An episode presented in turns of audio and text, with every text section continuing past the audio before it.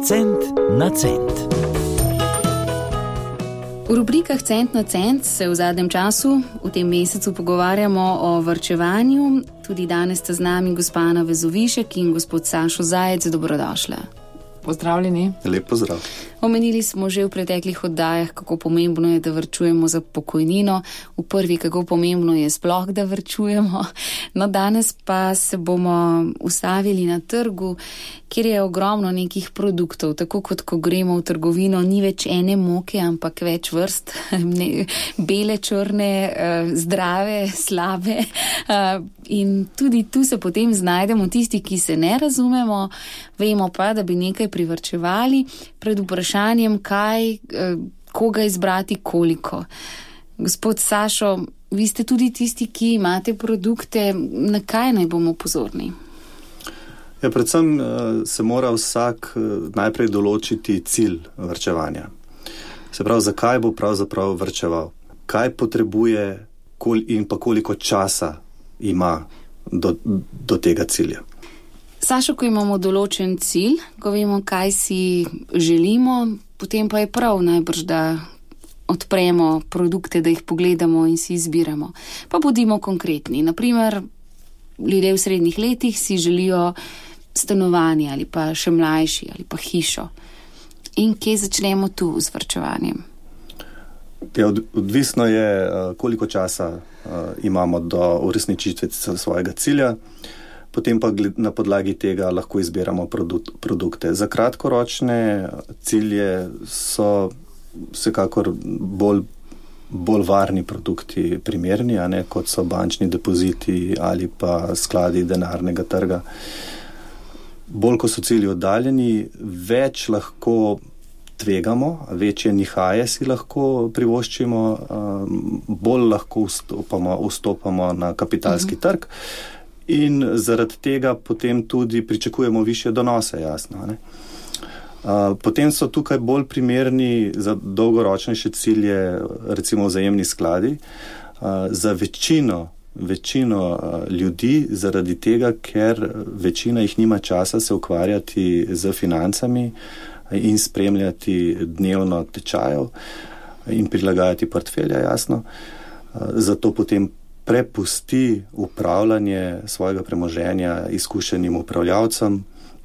Vsekakor bi pa svetoval, da se obdobno, nekje enkrat na pol leta ali pa vsaj enkrat na leto, vseeno vsak, ki vrčuje za neke svoje cilje, posvetuje svojim izbranim finančnim svetovalcem.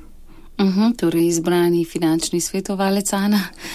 Ja, tukaj so izzivi razno razni, o katerih smo že večkrat govorili, uh, pa vendar res je zelo pomembno, pa se ljudje tega ne zavedajo, da tudi ko ti vrčuješ dejansko, vseeno ne moš dobro vedeti, kaj investiraš, kakorkoli, kje vrčuješ. Se pravi, moš biti seznanjen s produkti, uh, po drugi strani mogoče bi umela tudi to, moraš vedeti, a si nagnjen k tveganju ali nisi nagnjen k tveganju. Uh mhm. -huh. Ker vsi se mi zdi, uh, rečemo tako ne, ja, jaz bi tudi imel, ne, 10% na leto ali pa 15 ali pa 20, ni pomembno, ne, ampak ko pa govoriš, a si pripravljen tudi v kontrasmer, tudi, torej tudi v minus 10, 20, 50 recimo, ne, se pa ponavadi ustavi. No, in tukaj to ne gre skupaj, ne, da boš veliko tvegal, pa boš varen.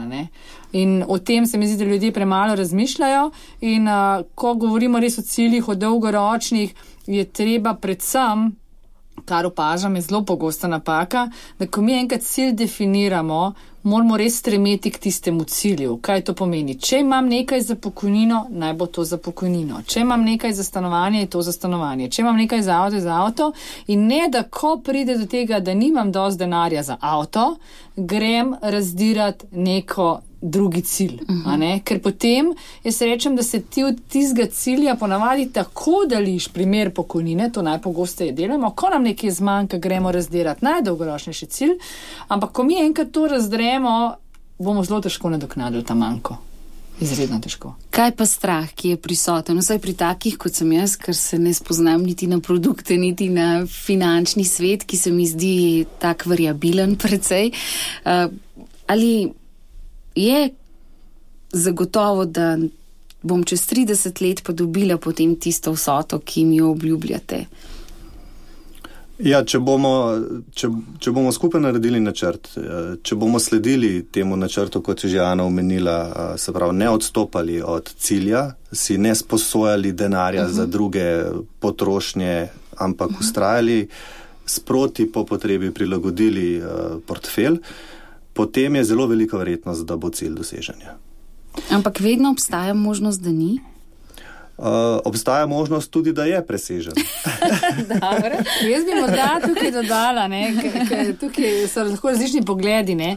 ampak recimo najpogostejša napaka je, ko smo ravno ene prejšnjih oddaj omenjali, ko prideš, ne vem, star si 55 let, pa rečeš še 10 let imam do upokojitve. Uh mhm. -huh. In ta oseba, če govorim, če bo prišla do prodajalca finančnih produktov, ji bo rekel, ok, ni problem, pustimo, da sklenajo tudi na 30 let kakšen produkt, pa ne bom govorila o tem, ne? ampak reče, aha, deset let super in izbere najbolj dinamičen produkt. To je recimo kontra temu in odgovor na vprašanje, ne, vaš, ali bo kaj mi še pa lahko pričakujem. To jaz vam lahko povem, da ne, ker ponavadi je ravno v tem ciklu, ker je v bistvu relativno kratek, v desetih letih, ja si ne smete privoščiti paca. In potem pride do razočaranja, ko si tik pred upokojitvijo želiš nadoknaditi vsta manjko, greš v najbolj obljubljene donose, se pravi najviše tveganja, ker si pa tega v resnici ne moreš prvoščati.